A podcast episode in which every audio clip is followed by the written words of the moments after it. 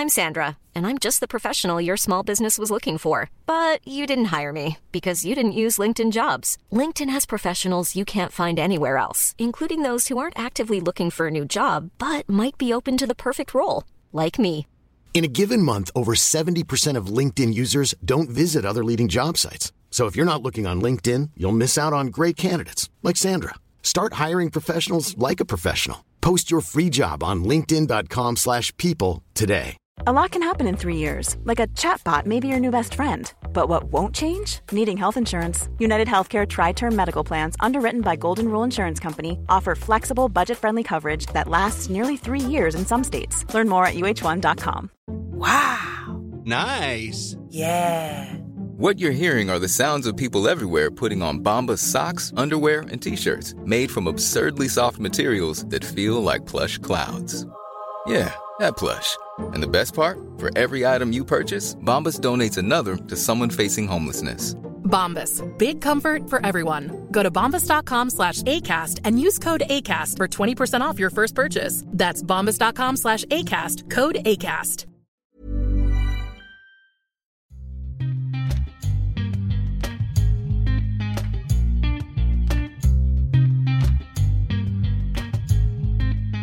Varmt välkomna ska ni vara till ett till avsnitt av Duo SSL. Eh, det här ska väl vara det 34 i ordningen och eh, vi har faktiskt med oss en gäst idag. Eh, dagens gäst är väl den första att göra comeback i podden också. Han var ju med för ett par år sedan när vi i vår förra sväng liksom så att säga. Men vi välkomnar väl tillbaka Samuel Sundman. Tack så hemskt mycket. Väldigt roligt att få mig igen. Det är en ära att få komma, komma tillbaks. Det är vi som ska tacka. Eh, Du har ju haft egen eh, podd som du har kört tidigare och det har du gjort det väldigt bra. Så det är inte bara som bisittare i andras poddar som du sköter. Gör det bra. Du har ju också styrt på egen hand. Ja, det stämmer ju. Men eh, tyvärr på grund av tidsbrist. Det är ju det där med innebandy och eh, försöka göra andra saker i livet samtidigt och hitta tiden till allting. Eh, så gick det inte riktigt ihop. Men eh, superkul att få gästa lite i andra poddar när man ligger lite på is själv med sin egna podd. Vad, berätta, vad, vad har hänt sedan du var med senast? Oj, sen senast. Jag har nog hunnit, hunnit lägga hjälmen på hyllan eh, och tagit på mig taktiktavlan istället och ställa mig båset för Nackas eh, damdivision 1. Eh, nästan färdig med min, mina studier. Ja. Så det är en hel del som har gått framåt. Sen har det varit helt pandemi, en hel pandemi också. Så att, ja, mycket som har hänt. Ja just det, vad kan det ha varit? Var det i maj 2020 vi spelade in? Eller typ? Typ något sånt. Ja just det, våren där. Ja. Det är länge sedan nu alltså. Det är faktiskt, måste jag säga. Det var lite för länge sedan kanske när man blickar tillbaka. Men eh, ja, det är mycket som har hänt såklart. Senaste gången vi hade med dig så var du ju mer för att du skulle ge oss en inblick i Stockholms innebandyn och liksom förutsättningarna där och liksom kanske ge oss lite framtidsutsikter. Eh, nu, är, nu ska vi ha med dig och prata lite allmänt. Eh, hur känner du inför det? Hur roligt som helst. Eh, det är inte bara Stockholms innebandyn som, som jag brinner för utan det finns ju faktiskt eh, andra lag som är mycket, mycket sevärda som man kan sätta sig och glo på en fredagkväll när man har tråkigt. Eh, så att, nej, men det är såklart Stockholms innebandyn är ju magisk på sitt sätt. Är det något lag du har alltså, fastnat extra för den här säsongen? Vad har liksom varit säsongens grej för dig när du har tittat? Det skulle ju vara jobbigt nu om jag inte sa Nacka i och med att jag är ledare där. Så att, eh, då får man väl en känga när man kommer ner på träning sen. Eh, så att, eh, nej, men Nacka har ju imponerat tycker jag. Eh, tycker det är coolt att de eh, håller ihop så bra som de gör och framförallt nu efter segern uppe i Umeå som var en otrolig triumf eh, i mina ögon. Eh, och sen så Storvreta är ju alltid väldigt roliga att kolla på. Eh, oavsett eh, hur, när eller var så är det ju alltid en fight på plan. Eh, så att, det är otroligt roligt och alla är supertaggade när de möter Storvreta så att det blir aldrig en dålig match. Eh, nej, så att Storvreta har man ju hållit lite extra öga på på här sidan. Precis, just det. Eh, Gustav, vad, vad kommer hända i det här avsnittet då? Du har liksom körschemat tror jag. Eh, Ja, eh, det kan man ju att vi har ju lite nyheter. Det händer ju saker hela tiden, innebandyvärlden, stort som litet. Men eh, några punkter har jag skrivit ner och eh, vi ska också kolla lite resultat. Det är ju så att det återstår ett par omgångar i damernas serie, herrarnas serie. Är det bara en match kvar, så där kan vi dra större växlar tror jag av vilka som går till slutspel. Damerna har det lite mer oklart. än ja, det är riktigt, eh, riktigt getingbo om man säger så i mitten där i kampen om sista platserna. Eh, vi ska prata om det och eh, som vanligt har jag också tagit på mig den stora äran att dela ut lite plus till några spelare som har gjort det bra sen vi sist pratade. Låter trevligt. ja, ja, men snyggt. Var ska vi börja?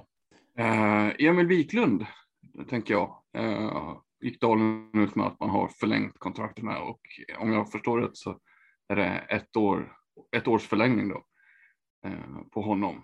Ung eh, forward kan man kort säga. Vad har vi för tankar om den? Vi börjar med Sundman. Spontant så skulle jag säga riktigt viktigt för Dalen.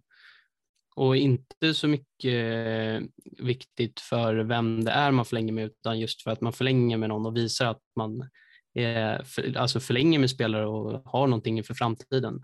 Framförallt för att man tappar Pasjö Tegnér till nästa säsong som har varit affischnamnet i enligt mig tre, fyra säsonger i alla fall så har han ju varit otroligt bra. Eh, så att, eh, ja, om inte längre än så. Kan inte ens komma ihåg hur länge han har varit där. Eh, men eh, ja, viktigt att förlänga med någon och visa på nyheter och spänn, spännande händelser uppe i Dalenklubben. Samuel? Jag håller med. Han är ju också från närområdet från Skellefteå då, så på det sättet tycker jag att det är väldigt viktigt. De fortsätter ju spinna på sina Skellefteå-killar. De har ju ganska många sedan tidigare, Åkerlund och Nystedt och Per Forsman och så vidare. Och ja, det, det är väl jättebra att visa att eh, man kan vara liksom regionens lag på något sätt. Det är ju för liksom publiken också. I Jag gillar det i, i kontrasten till Thorengruppen så är det ju lite härligt att Dalen verkligen går för lokala, eller lokala, lokala, de vill väl satsa stort också, men att de går för, för dem i närområdet jämfört med Thorén som verkligen, de går ju för den som vill spela där i hela landet känns som. Så att, Ja, och nu har de ju börjat sikta in sig på, de har väl plockat halva 03-kullen på RIG redan va? Och det är väl Ja. mycket killar från Stockholm bland annat va? Eller Södertälje kanske, lite dålig koll, men det är inga Umeå-killar hittills i alla fall.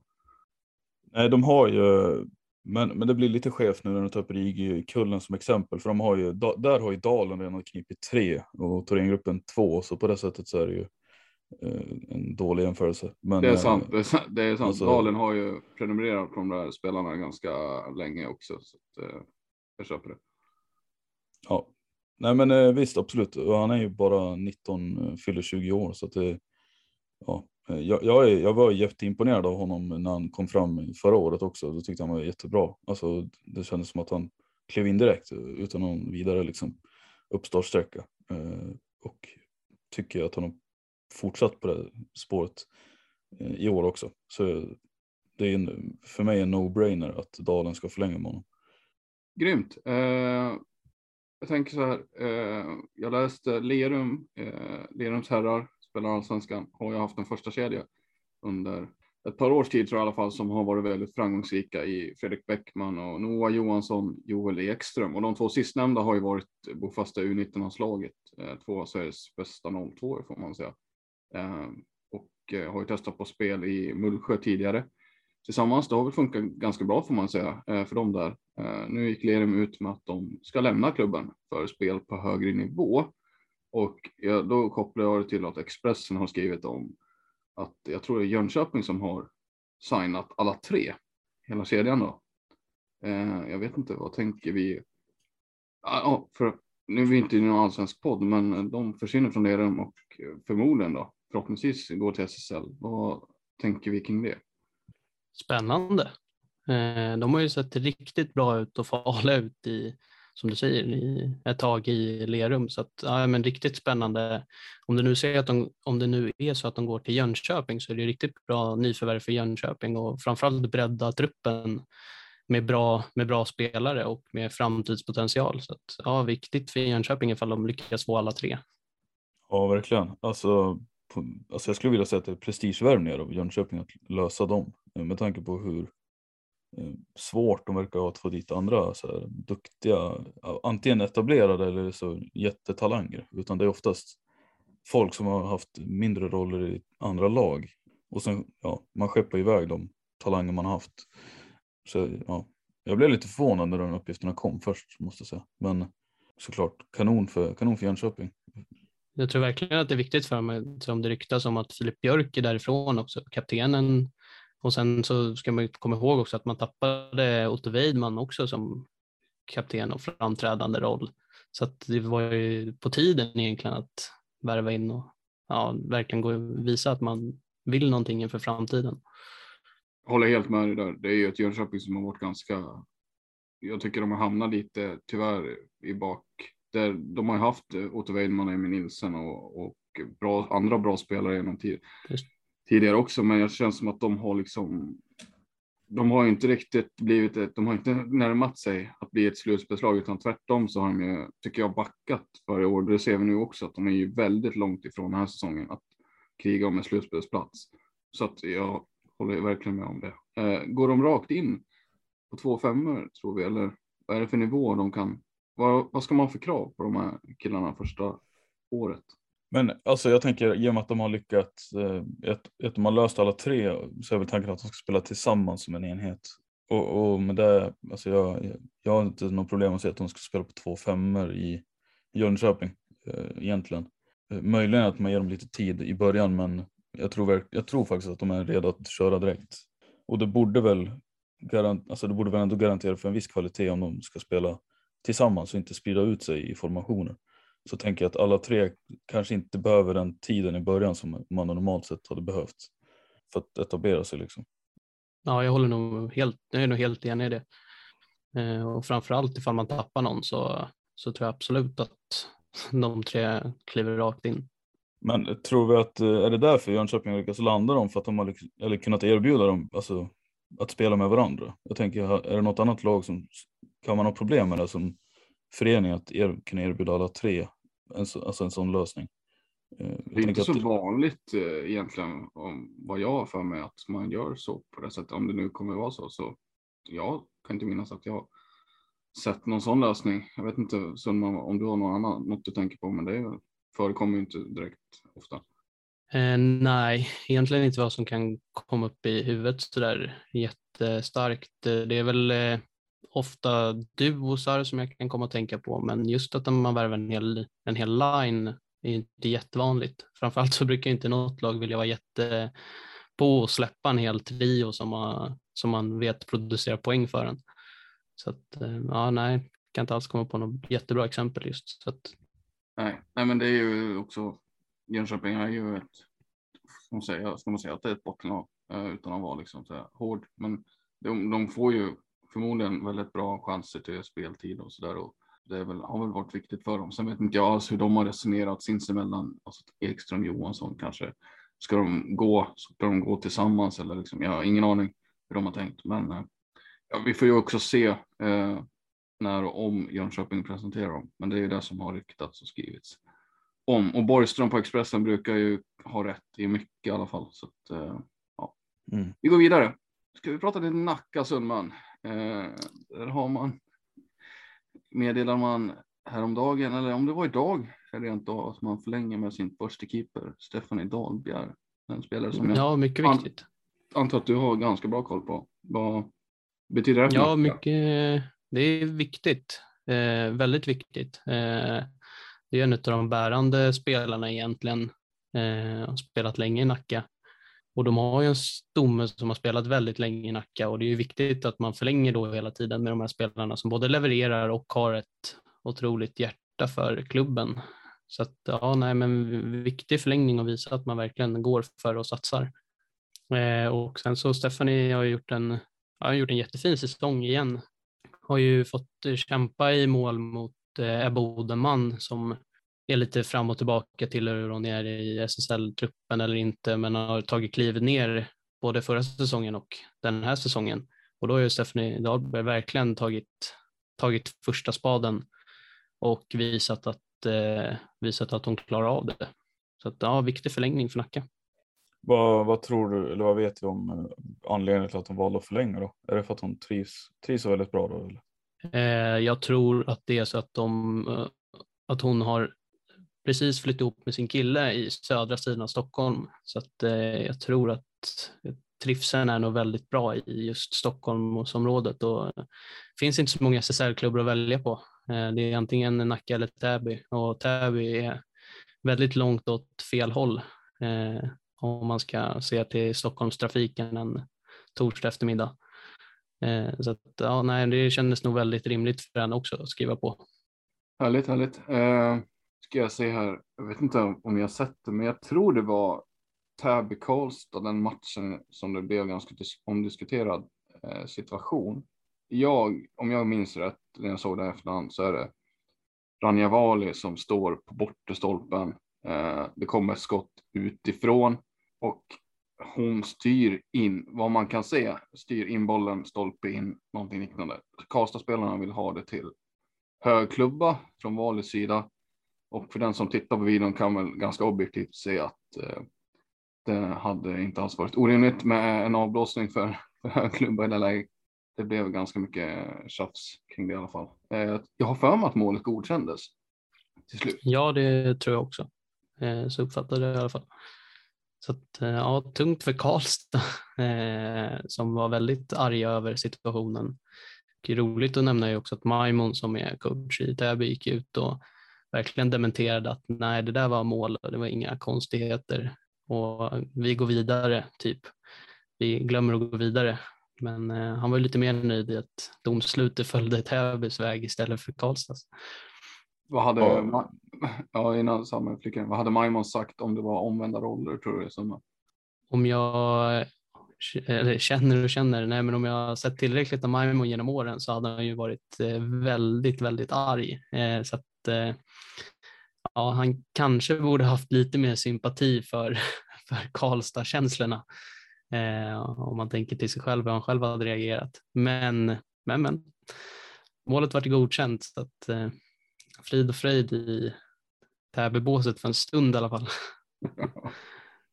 Man kan ju förstå reaktionen, alltså det måste ju vara spänt i Karlstad-läget just nu, eh, som tabellen ser ut också. De slåss ju för viktiga poäng. Verkligen.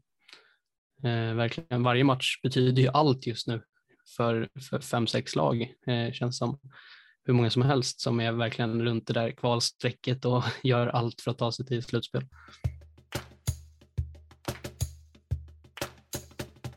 Det blir en jättebra övergång inser jag faktiskt eh, när vi pratar om det. Just vilka som kniper de sista slutspelsplatserna. Om vi kan börja med damernas serie.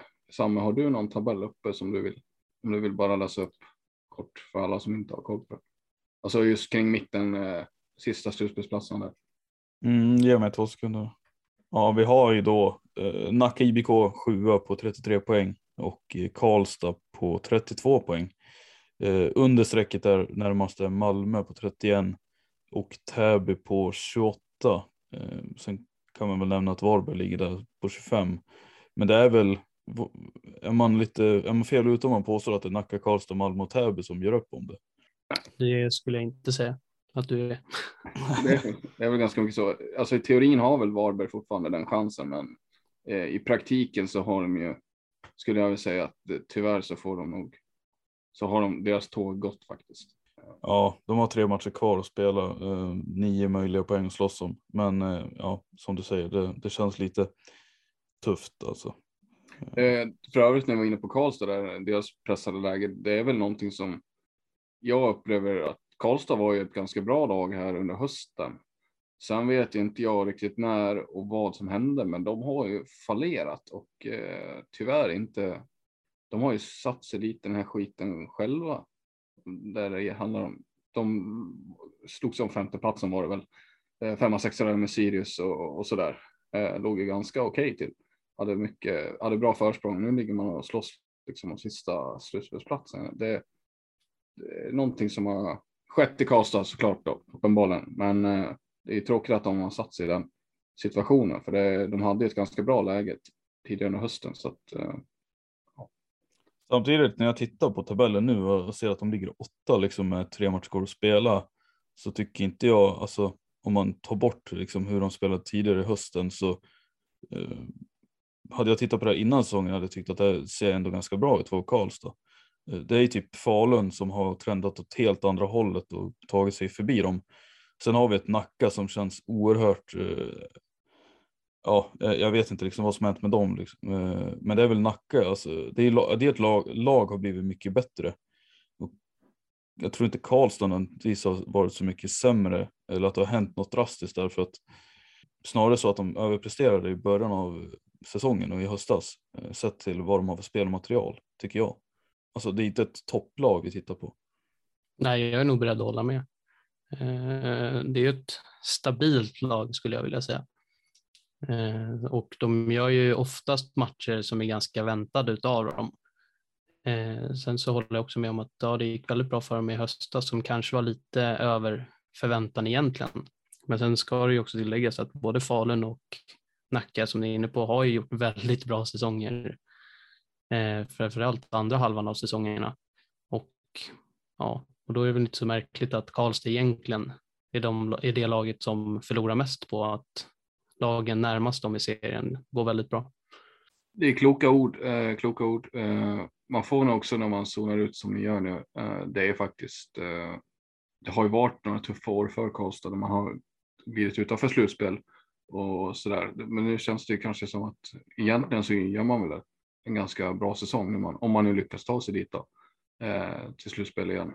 Um, så att, ja, man får kanske fundera lite på vad hade man egentligen för krav då på, på det här laget. Så att, eh, ja, men jag, jag köper det 100 procent. Eh, vad tror vi då till slut? Eh, för min, min känsla i alla fall, eh, Sundman, när det gäller Nacka, det är att det är ett lag som har fullkomligt eh, senaste veckorna, månaderna, då har man ju, det är inget flashigt lag om jag säger så. Jag har haft lite problem med målskyttet till den här säsongen, men det man har gjort, man har ju tagit tre poängar, man har ju vunnit matcher, man har, man har gjort det man ska liksom. Och det börjar, har väl gett avkastning nu, men frågan är, två matcher kvar för deras del, kan de lyckas med det här? Det hade ju varit en enorm framgång för dem ifall de lyckas. Eh, och eh, Nacka är ju ett lag som är, man skulle säga nästan ett humörlag. Är det på gott humör så, så blir ju oftast resultaten uddamålsvinst och är det dåligt humör så blir det två, tre mål bakåt istället och förlust. Eh, det är så egentligen de här två säsongerna i SSL har sett ut om man följt dem. Det är inga superhöga nivåer och det är inga superlåga. Det är en ganska jämn prestation, men just att man lyckas hålla ut i slutet med uddamålsvinster och, och leverera tre poänger är ju det som har varit skillnaden nu de här sista månaderna, vilket är väldigt imponerande. Eh, och målskytte som du säger är ju ett jätteproblem. Eh, det är egentligen ett problem de hade förra året också och det hjälptes ju inte av att man tappade två finska stjärnor och Filippa Blom som eh, flyttade ner till Schweiz som faktiskt producerade en hel del poäng. Och sen så har man väl inte fått in egentligen någon som har levt upp till exakt samma poängskörd. Men nu är ju Madeleine Selin kommer ju, har ju börjat trampa igång, eh, gammal räv. Och Saga Mtell är ju en personlig favorit som faktiskt eh, gör en hel del pinnar också. Så att, ja, men det finns ju några som börjar leverera. Ja, nej, poängen är ju ett, eh, har ju varit en problematik. Eh, men eh, om de bara kan fortsätta spela på de här highsen eh, så, så tror jag faktiskt att de har en möjlig chans. Och de har just Karlstad kvar, eh, men på bortaplan. Så att det blir verkligen en tuff tuff duell.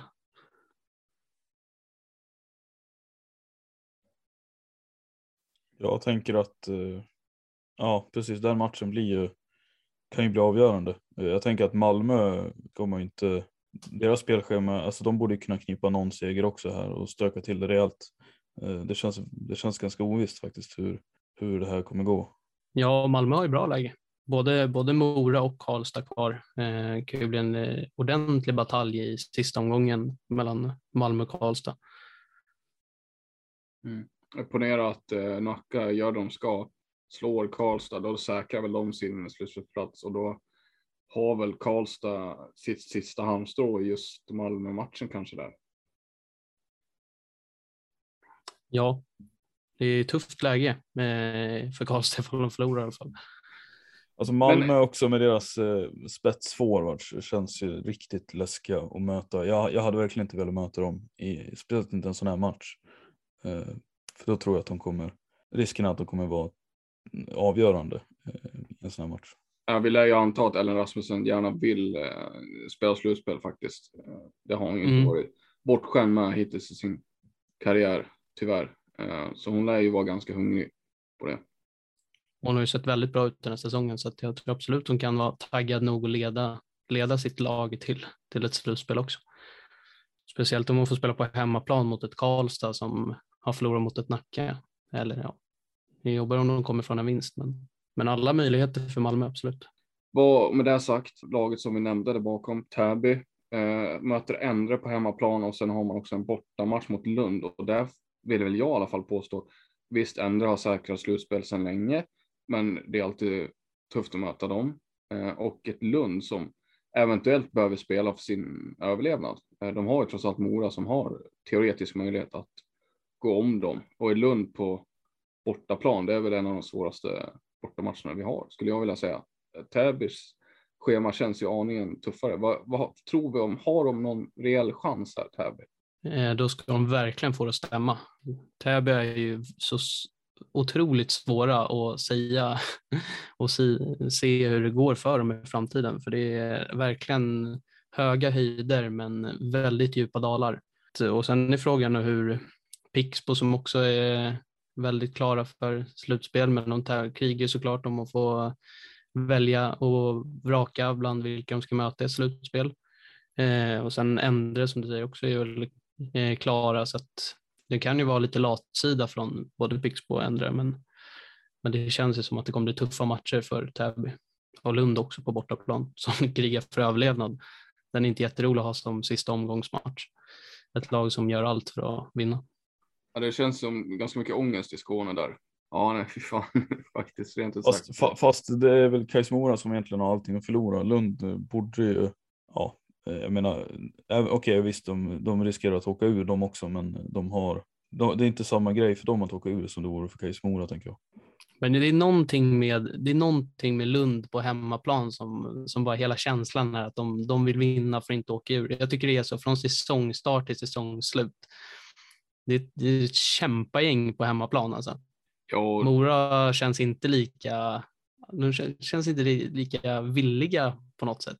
Nej, det, det är ett helt annan, eh, det finns en annan erfarenhet tror jag ska man ha med sig om man jämför dels de här två lagen eh, med tanke på vilken otrolig generationsväxling som Mora har genomfört. Det är ju ganska mycket junisar som faktiskt som består av den i det här laget. Eh, Lund känns som de de, de har spelare som har spelat ett par säsonger eller någon säsong nu på SSL-nivå. Det finns en annan rutin, erfarenhet och med det sagt en annan trygghet och ja, de, ja nej, jag är inne på samma sak. Eh, Lund åkte också upp till Mora. Eh, det kan ju inte heller vara en sån här jättebekväm bortaresa från Lund till, till Dalarna. Eh, jag vet nej. inte hur de reser, men oavsett vad så åker de dit och vinner ganska komfortabelt. Med det sagt så är det inte kontraktet säkrat. Så att, men Lund är ju i en bra form just nu tror jag. Har du något att tillägga där? Nej, jag, jag hör vad ni säger. Men, men vad då? har jag missat nu någonting nu eller har vi vågat oss på att tippa det här hur det slutar? Jag vill gärna höra vad Sundman tror. Vi har ju diskuterat lite, men jag vill gärna höra om Sundman vågar sig på det. Jag hoppas ju på Nacka, så jag tänker våga slänga dit Nacka med tanke också på formen de är inne i. Eh, så känns det som att de är inne i en, en bra fas. Eh, så att eh, jag tror faktiskt att kniper där mot Karlstad efter en jämn batalj. Eh, och sen så tror jag nog ändå Malmö. Eh, jag tänker tippa ur Karlstad från där. Så att eh, ja, Nacka Malmö och Karlstad Täby, de får avsluta säsongen och börja löpa. Ja, jag, jag tror att jag kommer göra dig besviken, jag vet inte. Men eh, jag tänkte säga att eh, Karlstad och Malmö tar det och Nacka får, får vänta på slutspelschansen. Täby tror jag inte heller tar det, tyvärr. De har för mycket poäng att ta ikapp. Vill du utveckla varför du tror att Nacka fallerar? Så?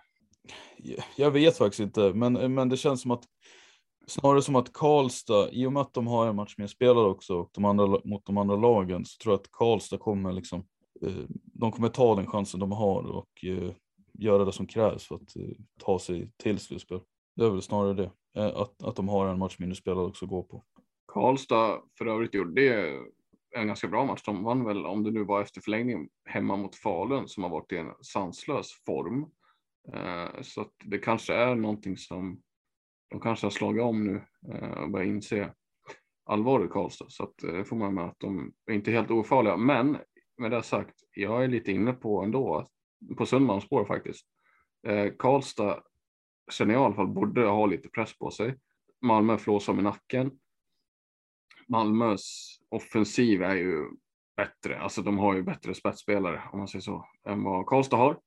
Jag tror att eh, Karlstad pallar nog inte trycket faktiskt. Nacka känns som de har allt att vinna, inget att förlora. Det är en ganska god känsla.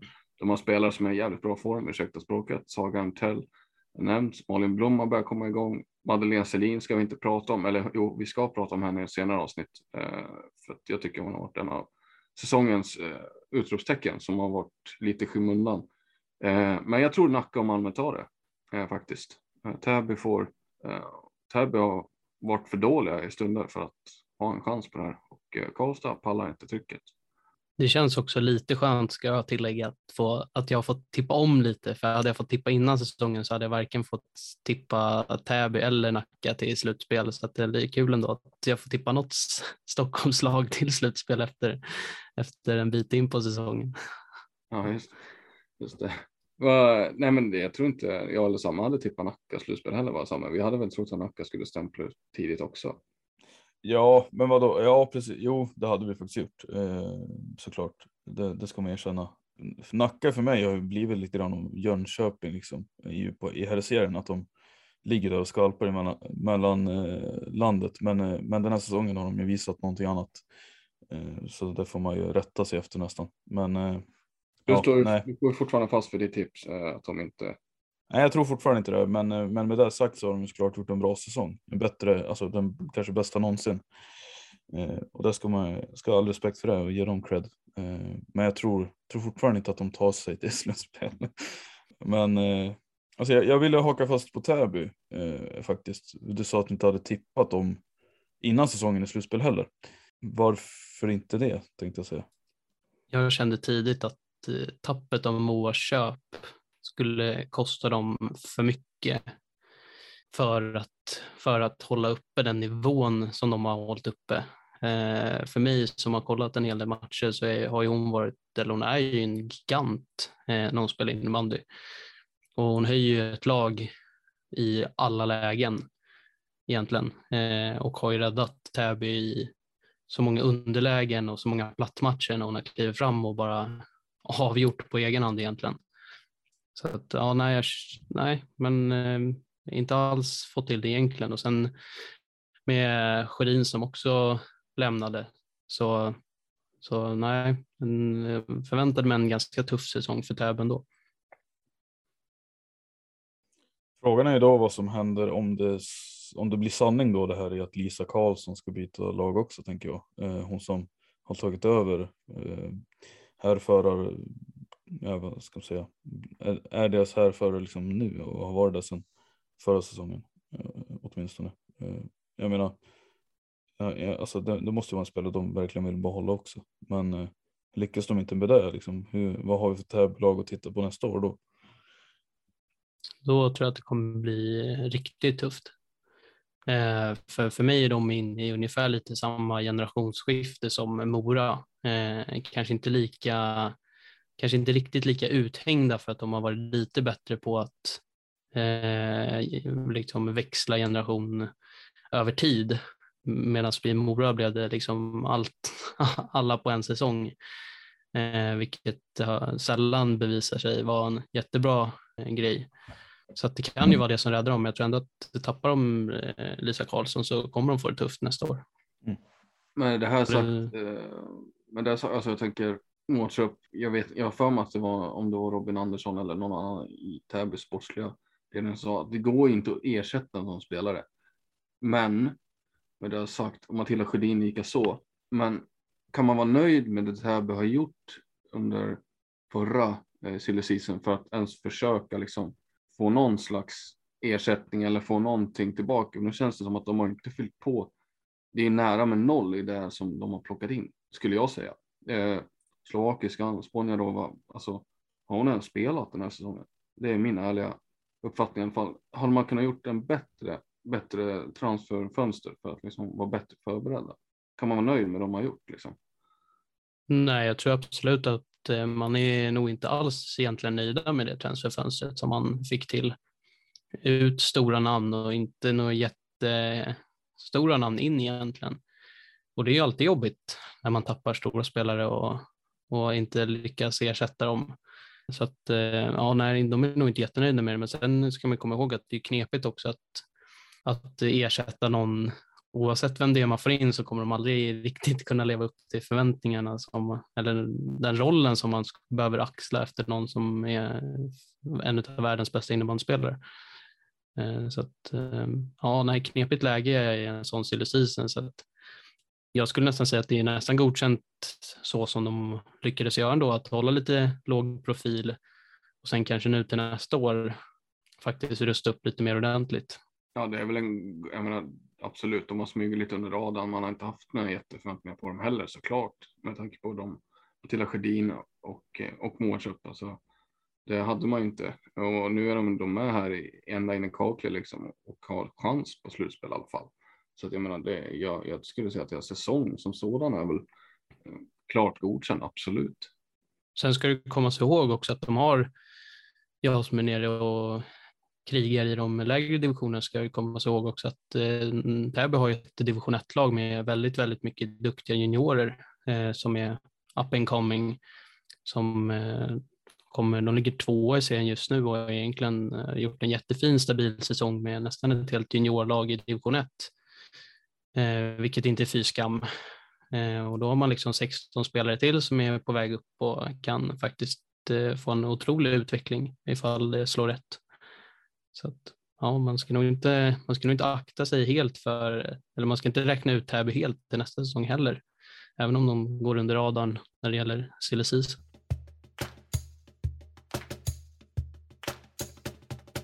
Med det sagt så tycker jag vi lämnar kanske damernas eh, drama och slutspelsstrid här och eh, kikar vad vi har på här sidan. Innan vi gör det så insåg jag att vi hade en grej, en nyhet som vi inte har pratat om, men jag tänker det var typ den saftigaste.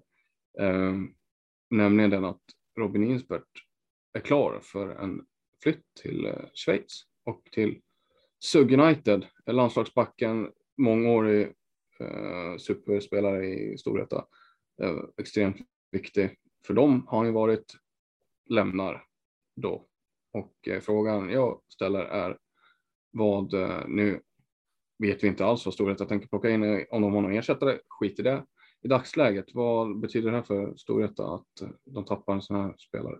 Alltså det är ju en, eh, oavsett nu hur, hur gammal han är, alltså vi kan strunta i hans ålder, så det är, det är en oerhört tung pjäs att tappa såklart. Eh, dels för hans nivå i spelet, men också för, för den han är och den han har blivit i laget. Han har ändå varit där sedan 2015 är det väl. Eh, han måste ju, borde ju hunnit bli en kulturbärare liksom. Eh, känns jätte, som ett jättetungt tapp, även om det lite väntat kanske att han väljer att testa en sån här grej. Men ja, svårt att ersätta känner jag på förhand. En ganska unik spelartyp på vissa sätt, va? Eller? Ja, väldigt unik. Det är inte många med hans storlek och fysik som har, som har de kvaliteterna med klubba boll. Eh, så det är ju otroligt knepigt att hitta någon som är den pondusen och storleken och som bara kan kliva in och ersätta honom. Nästan till omöjligt skulle jag säga. Eh, och hitta någon sån ersättare. Eh, men man ska ju också komma ihåg att Storvreta är också inne i en generationsväxling. Eh, så att man kanske nog hade velat behålla honom en säsong till för att verkligen kunna växla igenom den här, de här generationerna eller fasa ut de äldre medan man vill få in de yngre förmågorna som visar framfötterna. Så att man är nog lite sur över att tappa honom ändå. även om man förstår ju, man förstår ju hans val när det är slutet av karriären så vill man nog ändå testa på, testa på att spela utomlands. Det är ju en helt annan grej än spel i Sverige. Ja, verkligen. Eh, det är en annan innebandy som, som spelas där och, så där. och det är ju en landslagsback fortfarande som, som väljer att ta det här beslutet. Så att, får vi se då när han nu, om han nu kommer tillbaka. Eh, det är ju skrivet i framtiden, men det är väl, han har väl gjort sitt i storhet i alla fall. Jag vet inte hur det blir med svensk innebandy överlag, men det är väl inte en, han kommer väl inte tillbaka till Storvretas SSL-lag när han vänder hem tänker jag, utan det här är väl tack och adjö för hans tid där liksom. Det är jag inte så helt säker på. Jag tror att eh, han är en sån spelare som har en otrolig vilja när det gäller det fysiska. Så att håller han igång så tror jag att han har några år kvar att ge sitt absoluta max. Eh, absolut, så jag skulle inte heller säga att om han gör en eller två säsonger nu i Schweiz så tror jag att han skulle absolut hålla för en eller två säsonger till i storheten när han kommer hem. Men ja, nej, han spelar nog inte tills han är 40, men, men håller han fysiken så tror jag att han håller ganska länge till. Det är bara att titta på Rasmus Sundstedt som inte riktigt håller fysiken på samma nivå som man, som man eh, har haft den förr. Eh, och han eh, kan ändå leverera i SSL. Eh, så att, eh, jag tror absolut att Nilsbert kan göra det också. Vad tänker vi att vi, det finns för möjliga ersättare då? Jag har ju sett något rykte om att Rasmus Andersson ska vara på väg bort från Dalen och att han skulle vara en kille för Storvreta i och med att han tydligen söker.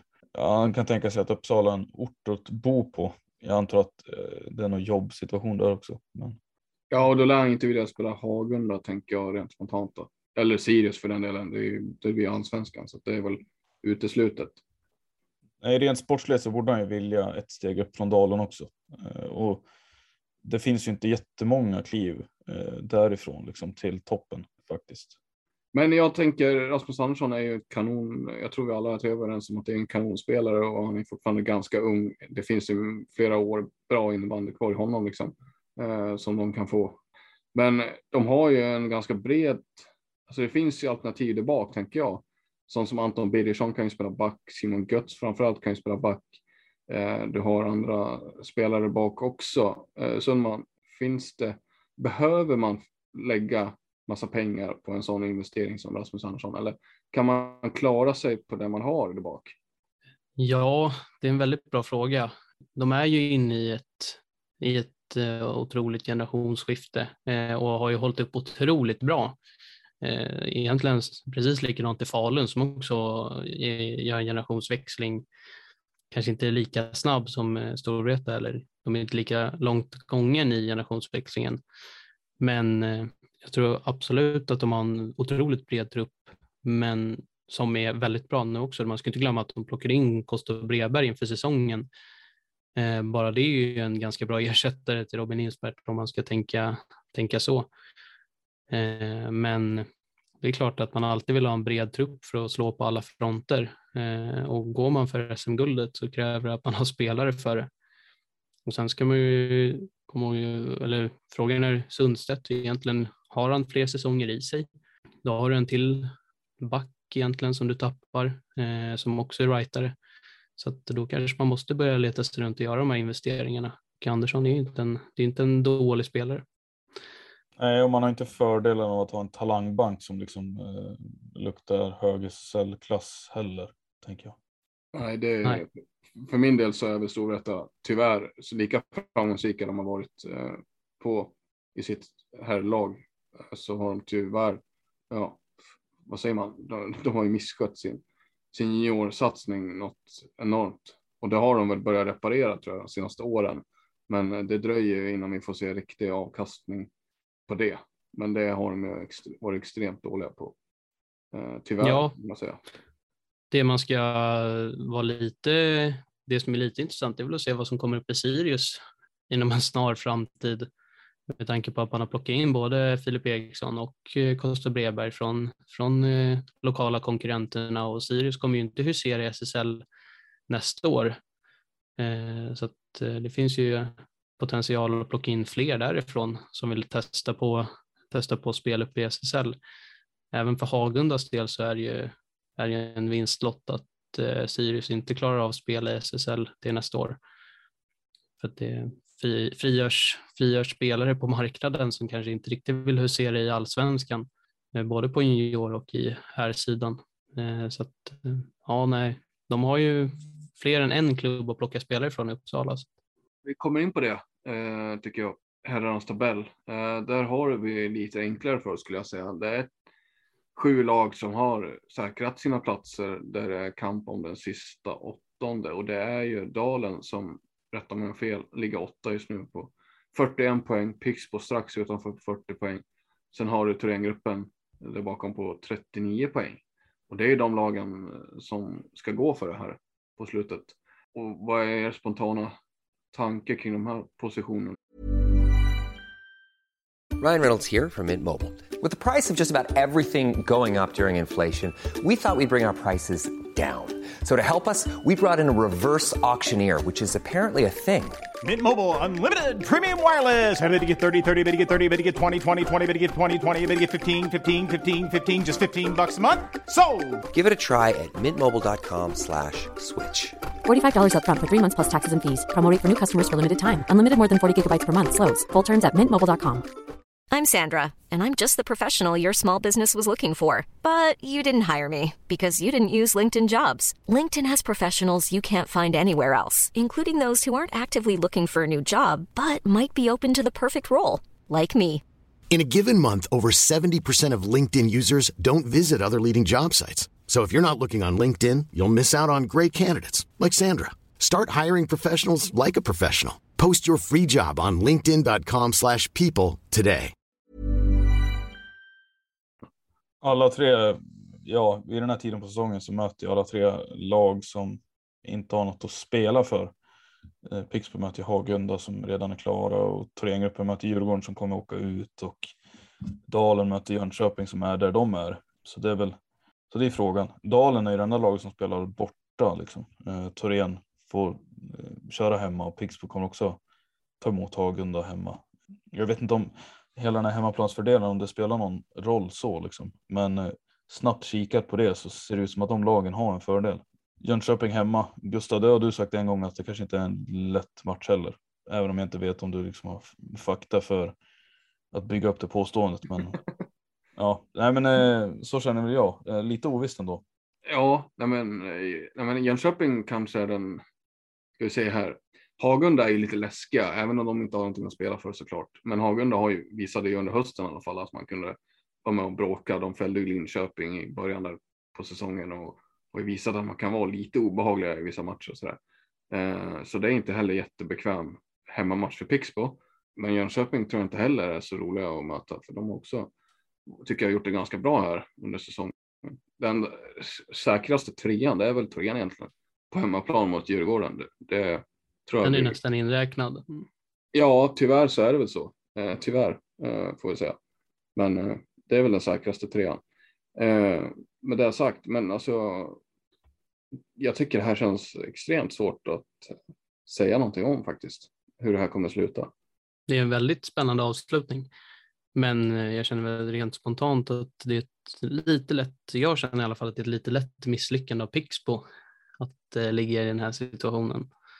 Tycker de har spelat material och, har gjort några plattmatcher här och där som har lett till att de ligger i den situationen de är i. Medan det är mer, inte, eller Dalen och Thorengruppen känns mer som att det är där, det är där de egentligen det är den platsen de krigar om. Medan Pixbo borde kanske ligga lite högre upp i serien. Så att Ja. oavsett vilka som går vidare så är det ett misslyckande för Pixbo ifall de inte går till slutspel. Samtidigt har ju Pixbo vält också, så de har ju haft eh, sina toppar som varit otroliga i och med de här vinsterna ganska nyligen. Mm. Så de har ju blandat och gett. Frågan är ju vad som hade hänt om de hade varit, tagit lite, lite fler trea som de kanske skulle ha kunnat gjort tidigare på säsongen. Eh, då hade de nog kanske inte legat på nionde plats, det, det har de nog rätt i. Samtidigt så känner jag att, eh, ja, jag, vet, jag vet inte riktigt. Det, det, det, är liksom, det har varit väldigt mycket Weissbach och Lander den här säsongen. Eh, kanske inte så mycket annat. Fritzell har haft det ganska småjobbigt och Östholm hade det ju ganska bra i början men har väl kanske inte riktigt skinit på samma sätt. Men, men jag menar produktionen bakom de två första killarna där har ju varit lite sådär skulle jag vilja påstå. Ja, jag ger både ja och nej, alltså båda rätt på ett sätt. Eh, det som jag tycker har varit det största problemet, det är, vi var inne på Falun och andra, eller Falun och vad var det, Nacka som kanske gjorde det, hade höjt sig och börjat spela riktigt bra och eh, på bekostnad av andra lag liksom. Och i det här fallet skulle jag säga Helsingborg har ju fortsatt på någonting väldigt bra från att ha varit ett eh, tidigt, alltså semester i slutet på mars lag så har de blivit en slutspelskandidat. Eh, för tre, fyra år sedan var inte Helsingborg uppe och alltså prenumererade på slutspelsplatser. Eh, och Thorengruppen har ju höjt sig väldigt mycket, även om de ligger i den lite halvjobbiga situationen här nu så ska vi inte glömma att det här är, var ett lag som typ ledde SSL under hösten en bit. Var ett, mm. har gjort en extremt stark säsong. Det har också varit ett lag som antingen har de åkt ur eller så har de också tagit tidig semester. Eh, mm. Och jag tror det här straffar Pixbo lite. Jag tycker Pixbo har gjort det helt okej okay efter sina förutsättningar. Men eh, jag tror de straffas lite av de här lagen som har höjt sig. Faktiskt. Och sen har det ju ja. varit en extremt jämn säsong också överlag, tänker jag. Med, om man tittar på toppstriden så har det ju varit nivån tycker jag varit extrem i år. Ja, verkligen. Det har varit en väldigt rolig säsong att följa i och med att det har varit så pass jämnt. Det känns som att alla har varit uppe och lett serien någon gång under året i princip. Så att ja, nej, du, har nog, du är nog inne på något väldigt, väldigt eh, intressant där. Att det är ganska många lag som har gått över förväntan egentligen. Ja, men eh, ska vi försöka oss på någon slags eh, gissning här då? Va, vad har vi liksom? Eh, vad säger magkänslan på, på er? Jag vet inte vad min, jag har ingen aning vad min, vad min eh, säger liksom. Eh. Dalen säger jag tror jag faktiskt. De sitter nog bäst till ändå. Alltså två poäng före Torén. De har Ja, Pixbo har lite bättre målskillnad, men eh, jag tror ändå de ska ju bara göra det mot Jönköping. De får ju liksom inte. De har ett så pass ja, mycket det... lag. Det ska ju bara vara tre poäng. Ja, ja jag är nog väldigt beredd att hålla med att Dalen sitter verkligen i bäst position eh, i och med att de också möter ett Jönköping som är helt uträknade upp och ner. Eh, hur mycket har de egentligen att spela för? Och Hagunda har väl lite eld på sig efter att eh, Kevin Haglund, om jag inte missminner mig, gick ut och drog ner dem lite i, en, eh, i kommentarerna efter matchen. Så att de kanske vill bevisa någonting ändå. Medan Jönköping känns väldigt platta för tillfället och känner sig väldigt klara, känner jag med den här säsongen. Björk, han har ju redan, han är på väg till Marbella redan nu liksom. Ja, precis. Så att, eh, ja, nej, Dalen har nog väldigt bra chanser att knipa den där sista slutspelsplatsen. Ja, jag tänker inte protestera. Eh, för min del skulle det vara kul att ha ett Umeå-lag i slutspel också, i och med att jag bor här eh, fortfarande. Så det, det hoppas jag på, så får man se lite fighter, lite fighter här uppe. Det hade varit Nej. intressant att se alltså, hur de här översta lagen väljer också, vilka motståndare de vill se i kvartsfinalerna. Mm. För det kan väl, ja det är lite svårt att fastställa den ordningen också, för det, det kan ju hända saker där fortfarande va? Storvreta, Växjö, Kalmarsund ligger för tillfället på fjärde, andra, tredje och fjärde där, men det kan ju förändras. Det enda som är klart är att Falun vinner grundserien. Eh, de går ju inte att ta sig förbi. Eh, så att undrar vilka de väljer då. Det är väl det man kan spekulera i det här läget. Ja, det är lite svårt att säga också jag skulle säga för en gångs skull i år känns det ändå som att det är inget lag som man känner så här direkt och spontant att de vill vi möta. Eh, det känns att tidigare säsonger så har det ändå varit så ganska, ganska glasklart vilka ettan kommer välja och varför.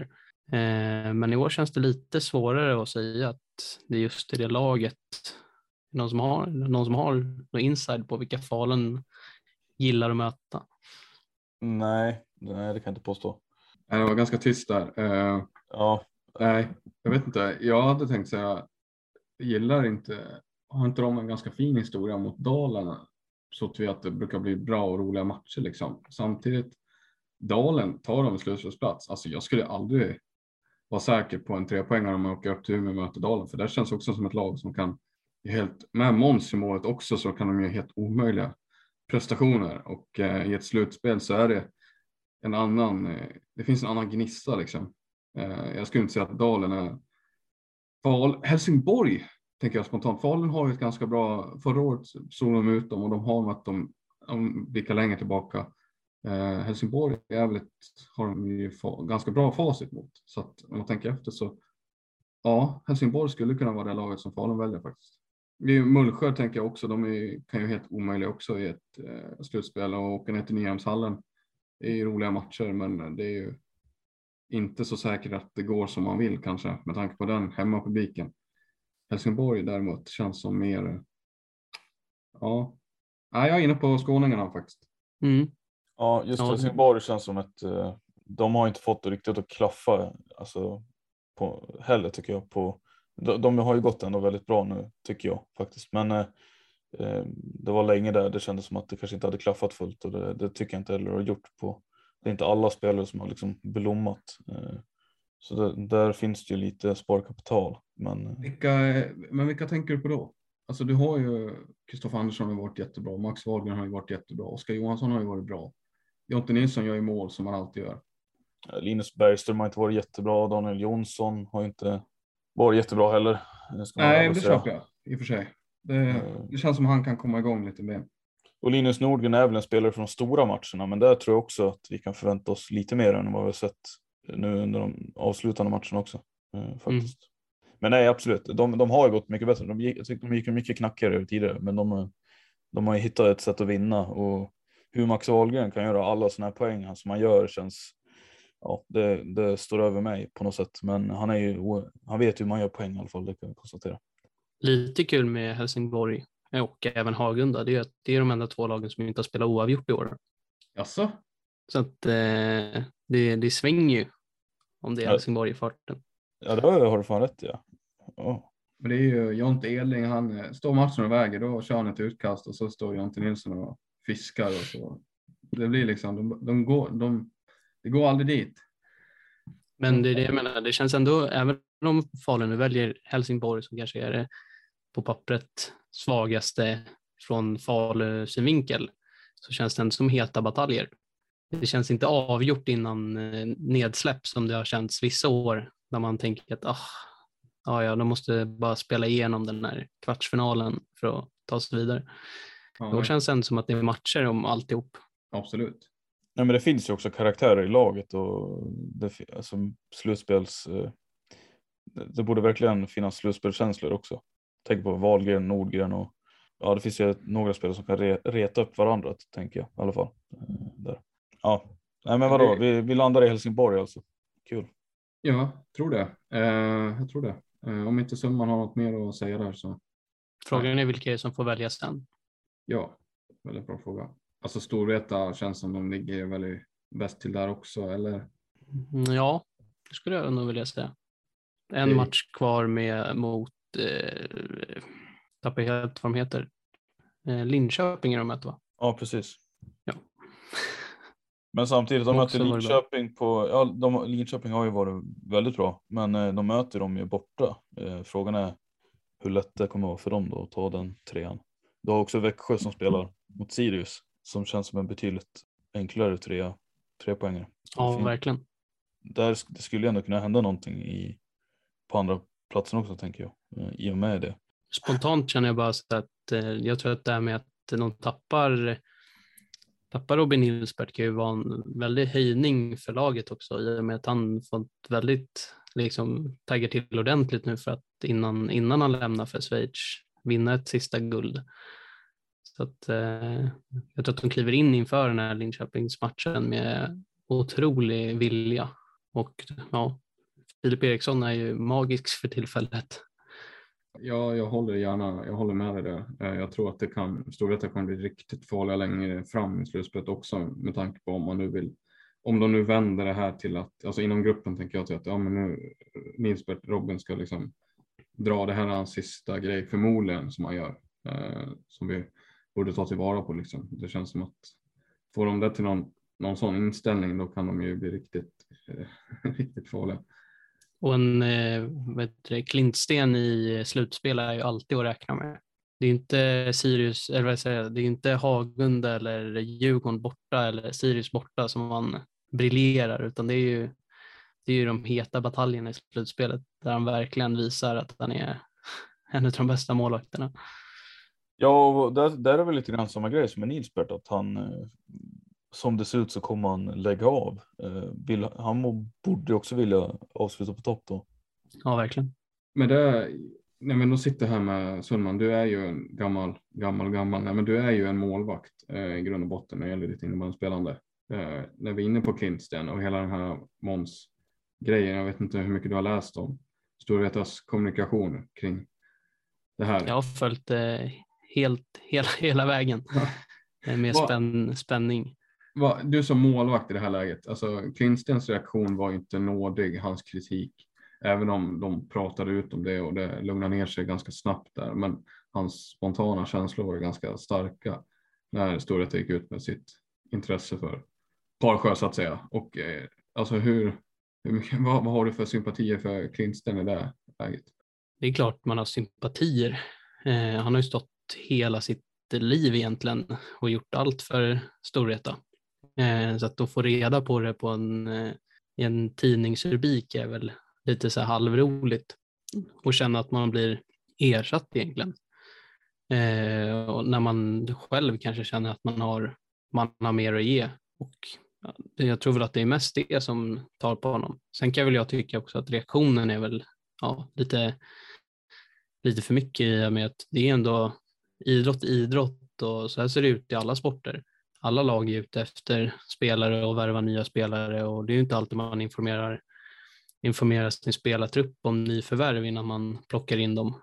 Eh, och då tänker jag att ja, man kanske inte behöver ta allt utåt i media heller, eh, även om man har känslor som kokar över inombords. Men det är klart att det är jobbigt, jobbigt när man får konkurrens. Men det kan också höja honom, vem vet? Äh, finns det något slags scenario där vi tror att de här ska dela på en syssla eller så? Eller, för, för jag har svårt att se att Klintsten ska, för, för då blir det ju när de lägger den här investeringen på Parsjö eh, och den här prestigen som det, man ändå kommunicerar kring att landa en av Sveriges världens bästa målvakter. Eh, så blir det ju för mig svårt att se att han ska gå in som något annat än liksom etta och att då Klintsten ska finnas i en, från början i alla fall, en uttalad andra roll. Liksom. Det har jag svårt att se.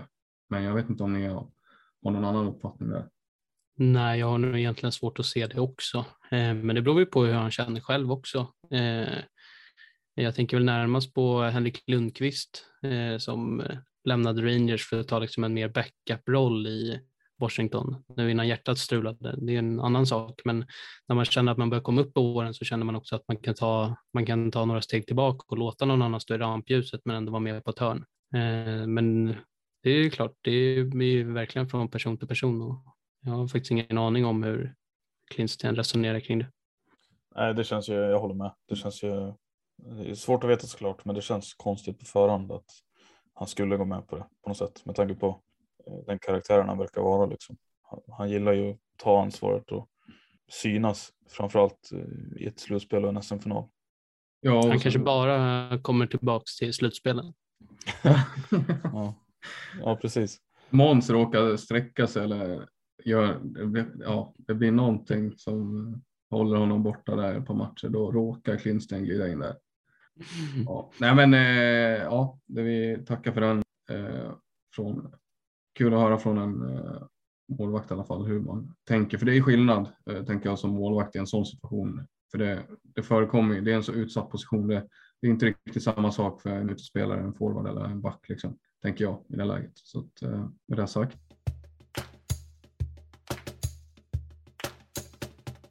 Eh, jag vet inte samma, när vi ändå har Sundman här, vi har ju konstaterat eh, lag, två lag som åker ur herrarnas serie för den här säsongen.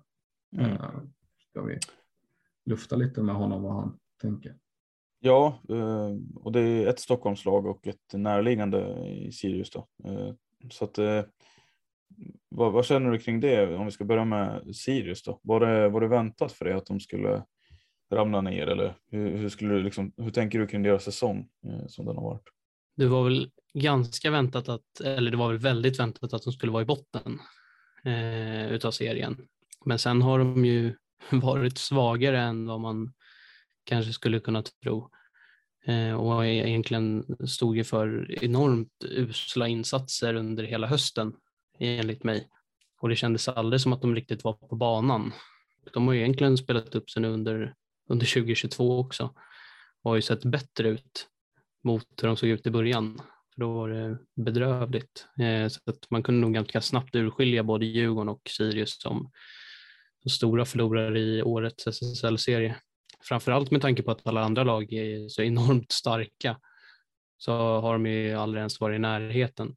Och det lag som de ska liksom ha lyckats på något sätt det är ju Hagunda och Jönköping och då har du ju Hagunda som har skalper som Falun borta och Jönköping som ändå lyckats ta sina poäng när det väl har, väl har eh, varit viktigt.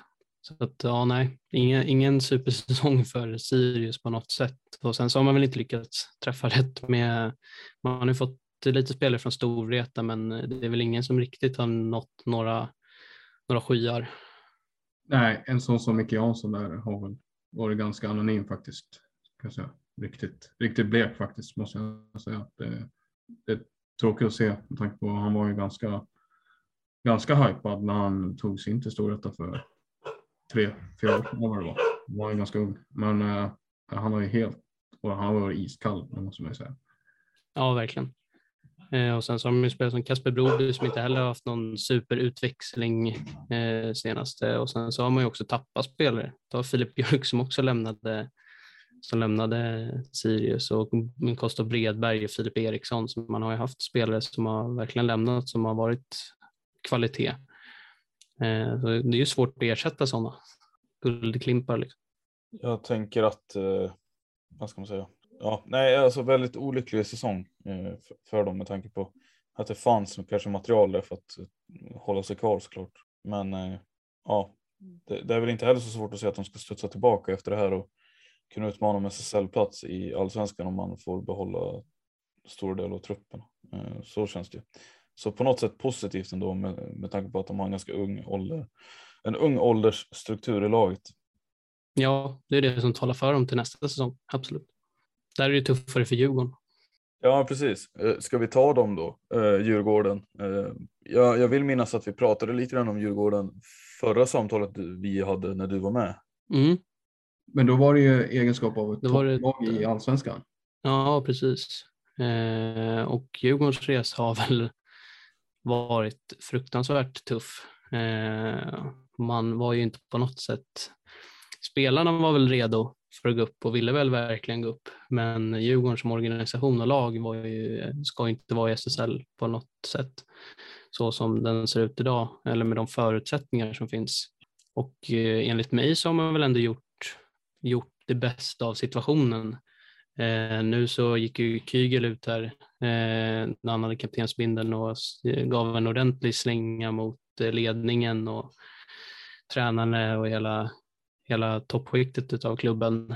Men man ska också komma ihåg att man spelar i Eriksdalshallen, man tränar på obekväma tider, ingen är heltidsproffs, ingen får betalt för att vara där eh, och då är det väldigt svårt att locka till sig spelare också. Framförallt när man inte kan erbjuda någonting egentligen. Eh, och då man, lyckades man ändå locka till sig några duktiga division 1-spelare men division 1 och SSL är ju ganska ordentlig skillnad för de som har spelat innebandy.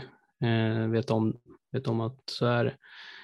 Eh, och sen så tappar man 50 procent av laget som känner att de är ganska klara med både innebandy och, eh, och vill satsa på, satsa på den civila karriären Eh, och inte känner att de har tid att spela SSL överhuvudtaget.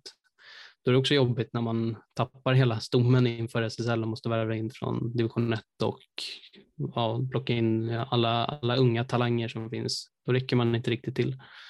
Så att med förutsättningarna som man hade så har man ju kämpat på bra.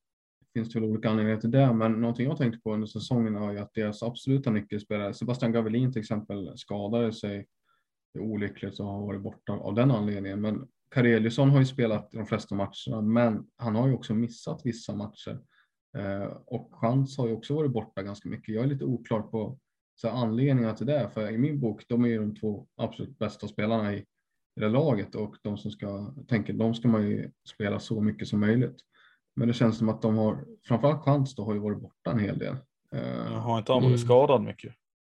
Ja, det är det jag undrar. Jag vet inte riktigt.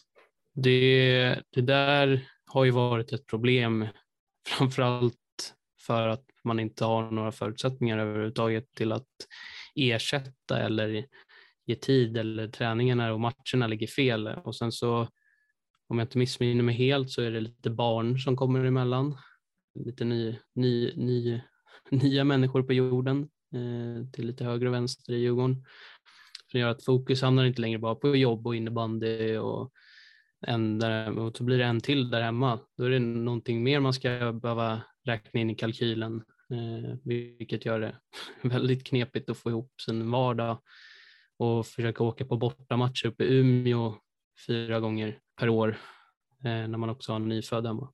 Så jag tror att det är mycket sånt civilt och dessutom skador. Sebastian Gavelin var ett stort avbräck Eh, och för den skadan. Och sen så Kareliusson verkar ju vara lite halvt missnöjd på klubbledningen eftersom han inte har varit med på slutet. Men annars så har ju han krigat på hela den här säsongen och verkligen hållit upp, hållit upp eh, kaptensbinden för Djurgården och visat på lite stolthet och bära klubbmärket. Så det är väl en eloge, eloge till Kareliusson som verkligen har kämpat på och aldrig egentligen tappat modet. Nej, det, jag tycker också det, faktiskt i stora delar så har han ju och han visat också att han kan ju spela på SSL-nivå. Han, han hör ju egentligen hemma på en högre nivå än svenskan. Eh, tycker jag är kul att han går in som 30-åring eller vad han nu är och visar att han, han har ju ett spelsinne tycker jag som är eh, extremt faktiskt. Det, det, har vi nog kanske inte sagt tillräckligt samma eller vad känner du? Alltså han hittar ju passningar ibland Eh, som jag känner så här, det är inte jättemånga spelare på den här nivån faktiskt som, som löser de här situationerna på det sättet han gör det. Eh, och han, han har ju en väldigt bra kemi också med chans eh, som de har arbetat upp. Men det, spelar, det behöver inte vara chans heller det handlar om, utan jag tycker han, även när han spelar utan honom så är han på en bra nivå liksom. Ja, jo absolut. Jag tror inte karelsson hade varit i allsvenskan eller SSL om han inte hade haft det spelsinne han hade. För det är väl hans absolut utan konkurrens största egenskap. Sen, eh, alltså jag blev lite förvånad med tanke på att han, gjorde, att han har gått så bra. Jag trodde inte han skulle kunna göra det. Jag har inte sett så mycket allsvenska matcher med honom, men jag tänker att det borde vara en ganska stor skillnad och sen har det känts som att han, eh, han har liksom varit lite grann på väg ut för, men han kanske har tänt till inför det här äventyret liksom och tränat lite hårdare. Jag vet inte, eh, men han är verkligen, ja, han har klarat av det ganska bra att spela i SL också. Ja, man följt, jag som har följt honom i många år vet ju att han besitter egenskaper som få andra har, vilket gör att enligt mig hade han kunnat platsa i väldigt, väldigt många av de SSL-lag som finns, återfinns i SSL idag. Eh, I mitt tycke så hade han kunnat gå in i väldigt många andra femmor i alla fall och förstärkt. Eh, så att eh, ett enormt eh, avbräck att inte ha honom nu sista matcherna, det ser man ju bara på resultat resultattavlan egentligen. Men man saknar ja, någonstans. Ja, förlåt, fortsätt. Nej, det är därför verkligen en eloge att han, han har spelat hela den här säsongen så tungt som de har gått. Men en annan kille, en, en annan snackis som har varit är ju Viktor Jote och hans inhopp och, och hur det har varit. Och det, det vet de, kanske de flesta. Succé har det blivit. Han spelade i div 3 eller vad det var innan han kom in. Och, ja, ja. Man undrar liksom var en sån kille har, varför han har gömt sig i trean om man är så här bra Eh, det är många frågor man, man eh, får upp i skallen. Liksom. Eh, har du något svar på någonting? Inte några raka svar när det gäller just honom, men ett generellt svar för Stockholmsinnebandyn är väl att det finns liksom, det är ingen riktigt som har den här motivationen till att spela på, på någon högre nivå. för att ingen känner att de har tiden eller, och då kommer inte viljan med det heller när man inte känner att man har, har förutsättningarna för det. Eh, om man bara jämför med eh, vilken klubb som helst så eh, ta Växjö till exempel, du har en superfin hall, du har träningstider, upplägg, du, boende, mat och allt är löst liksom när du kommer till plats. Och så får du spela i Djurgården där du får byta ditt egna blad och ja, ta dig till bortamatcherna själv i princip.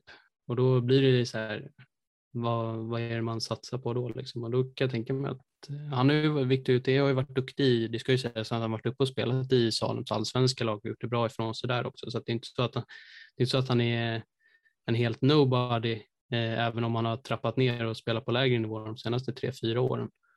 Så att han har nog haft i sig, även om han har valt att inte spela på några högre nivåer. Men det, det, säger lite det som vi, du var inne på där, att man plockar in några division 1-spelare och nu kommer han eh, från division 3 det är ändå något slags symptom på vad det är som Djurgården har fått kämpa med tycker jag. Vilken uppförsbacke det har varit för dem. Att det är liksom där Falun och Storvreta, de lassar ju, lassar ju faktiskt pengar på eh, ja, men landslagsspelare eller blivande landslagsspelare på gränsen, alltså den översta hyllan i, i världen. Och Djurgården får liksom med ljus och lykta söka efter spelare och låt vara att Victor Jota spelar bra i allsvenskan, men de får liksom ner i division 1 och division 3 för att liksom hitta kroppar som kan gå in och spela, för det är väl där det mycket det handlar om. De behöver ju folk. Ja, så är det. det är, de har all, Djurgården egentligen alltid varit en tunn trupp. Skillnaden är väl alltid i allsvenskan som man väl har haft faktiskt en kvalitet på den tunna truppen för allsvenskt spel. Eh, och nu ska det ju sägas att halva truppen lämnade ju faktiskt inför SSL-säsongen. Man tappade ju hela andra femman eh, som spelade upp dem till SSL. Eh, med den rutinen, där hade du en hel del SSL-rutin i andra femman som lämnade med Kapple som lämnade, eller Oskar Norman som spelat högre och Fredrik Gustafsson som har spelat Växjö och landslaget i U19-landslaget och varit i Schweiz bland annat. Så det är, det är stora namn som man tappar inför säsong och sen ska man försöka ersätta ändå Stockholmsprofiler med, med ja, det blir ungefär samma tapp som, det är en dålig jämförelse, men när Täby tappar målköp så är det, som, det är liksom samma tapp för Djurgården i den skalan mätt. När man tappar fem, sex spelare som har väldigt stor rutin. Eh, och sen när man inte har en enda krona att värva någon för så blir det ju verkligen, ja, det för, för, förenklar ju inte situationen när man inte har någonting att erbjuda. Eh, och sen så tappar man också Öman, coach Öman som eh, åkte till Schweiz tillsammans med Rudd och Ovling eh, som också var tunga tapp och man hade väl hoppats på att kunna värva Rudd eh, men som valde Schweiz istället. Eh, bara en sån spelare hade kunnat lyfta Djurgården till helt nya dimensioner.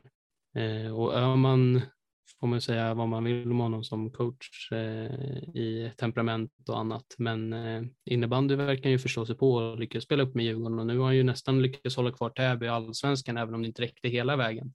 Så att han har, har ju några, några strängar på sin gura. Så att man har ju ja, mycket tapp och uh, inga nyförvärv. Och, men vi får se vart det leder i allsvenskan för honom för att det kommer bli en tuff nästa säsong också om man inte lyckas eh, binda Kareliusson eller om Gavelin inte kommer tillbaka och väldigt oklart med chans framtid också. Så att, eh, ja, då kommer det bli en tuff säsong även i allsvenskan. Tror du att, alltså hur stor roll spelar den här misslyckade säsongen liksom i arbetet med att få dit spelare? Tror du att det påverkar någonting eller spelar det ingen roll liksom att man har någon slags förlorarstämpel eh, på sig? Jag tror inte det spelar så stor roll. Eh, eh, det gör jag nog inte alls. Eh, det är nog mycket annat som spelar roll.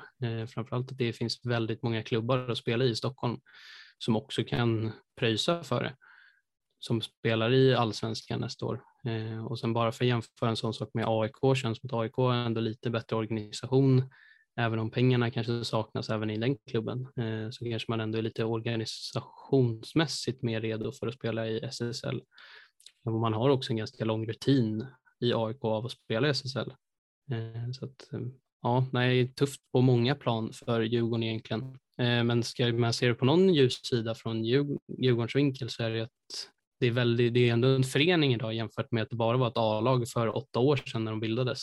Eller nio år sedan, eller längre länge sedan var nu när Capero Täby blev Djurgården. Ja, vad är det som, man har ju plockat in Eh, utöver det här så Rickard Delsius har ju kommit in som sportchef eh, och eh, sa väl ganska, hade väl, har väl, han har väl ganska höga ambitioner och, och utåt sett har väl föreningen sagt det också att man vill sikta högre, att eh, man vill ha en bättre, liksom, bättre plan för Djurgården helt enkelt. hur, hur herrlaget ska se ut under de kommande åren. vad tror du om den rekryteringen?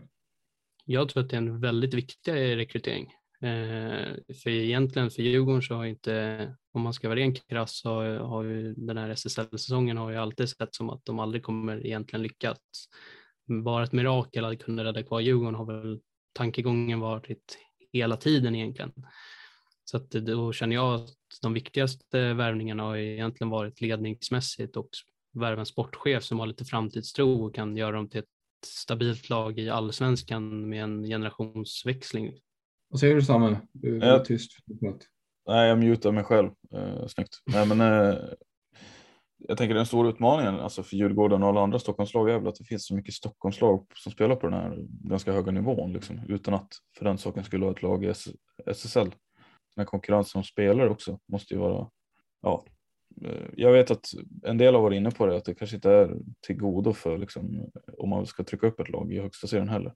Att, att man tävlar om så mycket spelare på samma ort.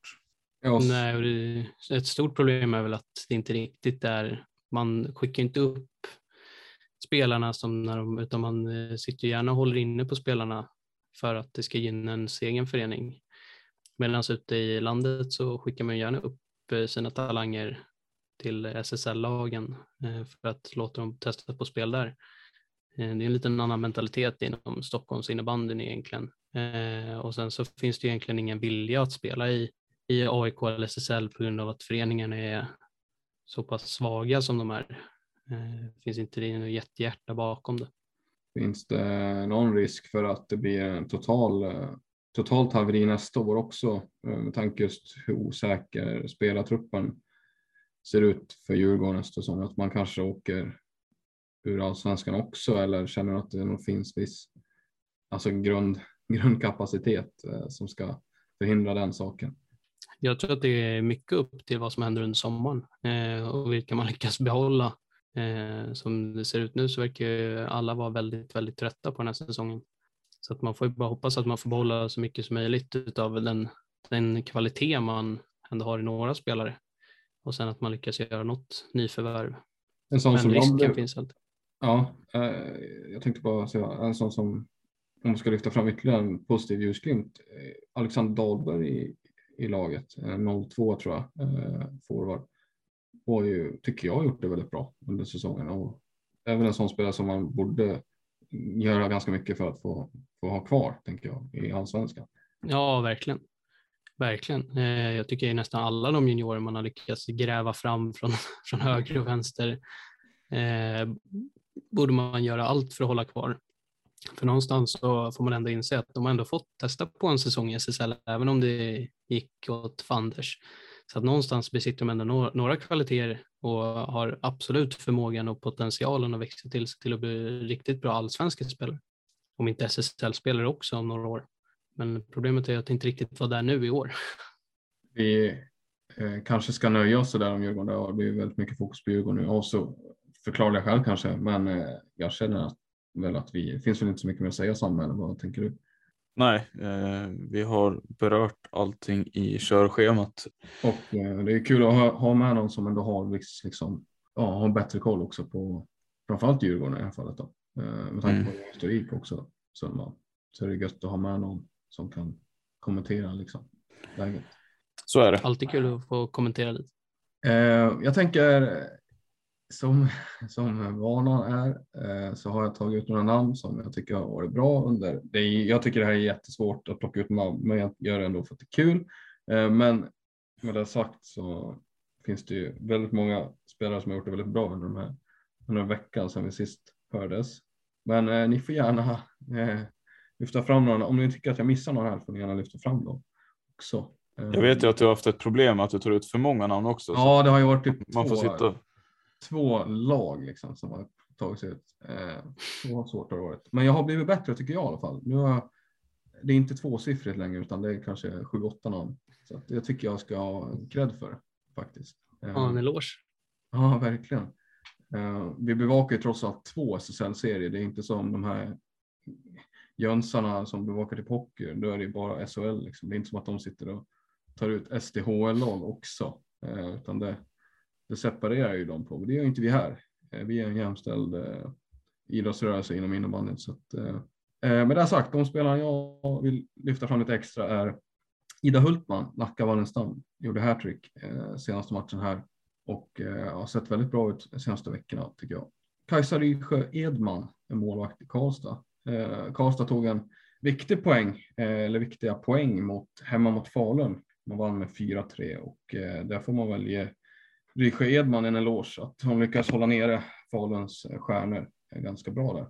Sen fortsätter vi med Lisa Stellansdottir eh, i Lund Elit och hennes eh, kedjekompis Minna Karlsson. Jag kunde inte riktigt separera dem. Eh, de har gjort det väldigt bra och var ju högst bidragande till att man åkte upp till Mora och eh, plockade tre poäng därifrån. Tre extremt viktiga poäng. Så de, det ska de ha. Eh, sen fortsätter vi med första gången för säsongen. Pontus Sölve i Helsingborg som fick göra två mål tror jag var. Jag kommer inte riktigt ihåg vilka de mötte senast, men jag tror det var senaste matchen han gjorde två mål. Back som han är så är det kul. En spelare jag tycker har haft lite problem i år, men som jag tycker har växlat upp lite här under våren kanske man kan säga. En spelare som har varit bra hela året får man väl ändå säga. Det är Filip Eriksson. Vi tror Sundman berörde han tidigare. Eh, jag tycker han är faktiskt en av de absolut viktigaste spelarna i Storvretas offensiv och det är väl lite halvöppen dörr kanske att sparka in för somliga, men det tåls att sägas tycker jag hur extremt viktig han är för Storvreta. Jag tycker många gånger han som löser upp spelet och, och hans handleder eh, är ju inte nådiga. Simon Palmén i Linköping får också äran att lyftas fram lite här. Eh, tycker jag han levererar match efter match. Eh, en av Linköpings viktigaste spelare i sin tur. Offensiv har hittat väldigt bra samarbete med Martin Karlsson och han har eh, att han är liksom på något sätt har halkat ur landslagsdiskussionen tycker jag är lite tråkigt för han är ju en, en av de bästa centrarna vi har tycker jag när det gäller liksom spel, spel, spelförståelse och speluppläggning liksom. Eh, de bästa playmakersna vi har. En playmaker kan man väl säga att den här spelaren också är i någon form. Det är Marcus Ekengren i Växjö som jag tycker har steppat upp en hel del. Jag tycker han var lite svag på hösten. Det tog lite tid för honom att hitta rätt, men nu får man väl säga att han har gjort det i en omgivning med Manuel Maurer och Jesper Sankell. Det är ju faktiskt en av de bättre kedjorna under den här SSL-våren på här sidan eh, måste jag säga och eh, de blir ruggigt farliga tror jag i ett slutspel. Marcus Ekengren alltså. Det, det är de spelarna som jag har fokuserat lite extra på. Och då lämnar jag det här eh, ut, utrymmet fritt för kommentarer från andra. Om vi, om vi ska börja med den du nämnde sist, och Ekengren tycker jag nästan att det är konstigt att du inte har med Maurer eh, så otroligt bra som han har varit, eh, tycker jag, under ganska lång tid. Speciellt också den här veckan. Han har haft, han har haft en riktigt bra vecka. Och ja, han driver på den kedjan tycker jag med Ekengren och eh, eh, Sankell. Det känns ju som att i alla fall Ekengren åker kanske lite snålskjuts, eh, men de verkar ju passa väldigt bra tillsammans i alla fall, får vi säga. Jag hade kunnat ta ut hela den kedjan, för jag tycker Sankell har ju på nytt följts. Han var inte dålig i Mullsjö, men jag tycker han, har, han är mycket bättre i Växjö. Eh, med det sagt så tycker jag han öser in mål. Jag hade kunnat ta ut hela kedjan. Men ja, jag, var, jag jag, jag valde att fokusera. Det hade kunnat vara Mauri också. Jag köper det. Skummen är väldigt tyst. Eh, jag tar det som att han eh, köper de här namnen 100 procent. Jag, jag är ganska nöjd med dina namn du har plockat ut. Kim Ganevik är alltid rolig. Ja. Jag tycker han har gjort en bra nu på slutet. Så det är väl enda namnet jag kan tänka mig missades lite. Ja, ja, nej, ja, ja. Det är en avgörare, sista perioden spelare. Ja, det är också en slutspelsspelare. Ja, det känns också som en kille som, det skulle inte förvåna mig om man lägger klubban på hyllan nästa säsong av, av typ samma anledning som Klinsten, att han, han känner sig mätt på att spela SSL-serien eh, liksom. Serielunken. Serielunken, ja, lite grann. Om det inte skulle vara ett Schweiz-äventyr som lockar typ. Eh, men han verkar Alla är en Jimmy Pettersson till nästa år. ja, precis. Man, man får trillingar och sen kommer man tillbaka.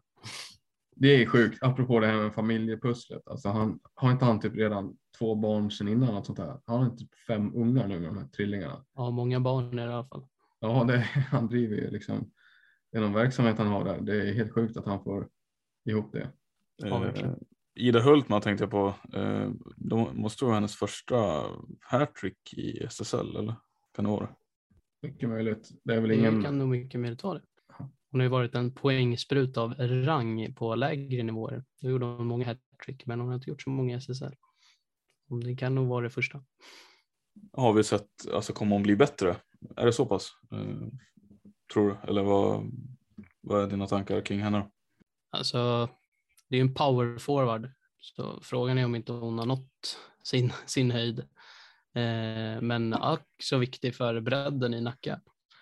Eh, man får inte glömma någon eh, de är inte hur många som helst i Nackas, Nackas trupp. Så att uh, alla räknas. Och när de gör tre poäng i en match så är de ju fruktansvärt bra också. Ja, jag har tagit ut MTL och Selin tidigare så jag tänkte jag kan ta en ny spelare. Men hon har varit bra nu på senaste så att det är inget fel med det. Det här har ju varit eh, 34 avsnitt tror jag om vi räknar rätt den här säsongen på Duo SSL. Eh, vi hoppas väl att det blir fler avsnitt också. Vi har blivit gästade av eh, Samuel Sundman. Eh, för det ska du ha stort tack. Hoppas, Ja. att, jag hoppas att ni som har lyssnat har gillat det här också. Jättekul att ha dig med. Summa. Tack själva.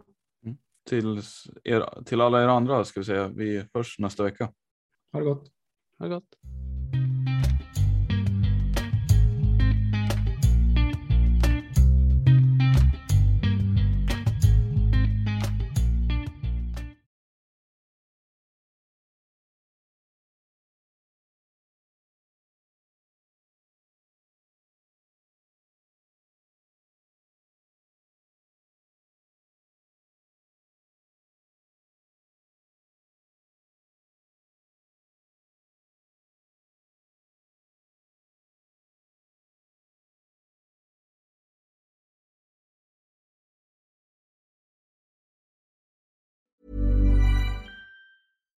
Hi, I'm Daniel, founder of Pretty Litter. Cats and cat owners deserve better than any old fashioned litter. That's why I teamed up with scientists and veterinarians to create Pretty Litter. Its innovative crystal formula has superior odor control and weighs up to 80% less than clay litter. Pretty Litter even monitors health by changing colors to help detect early signs of potential illness. It's the world's smartest kitty litter. Go to prettylitter.com and use code ACAST for 20% off your first order and a free cat toy. Terms and conditions apply. See site for details.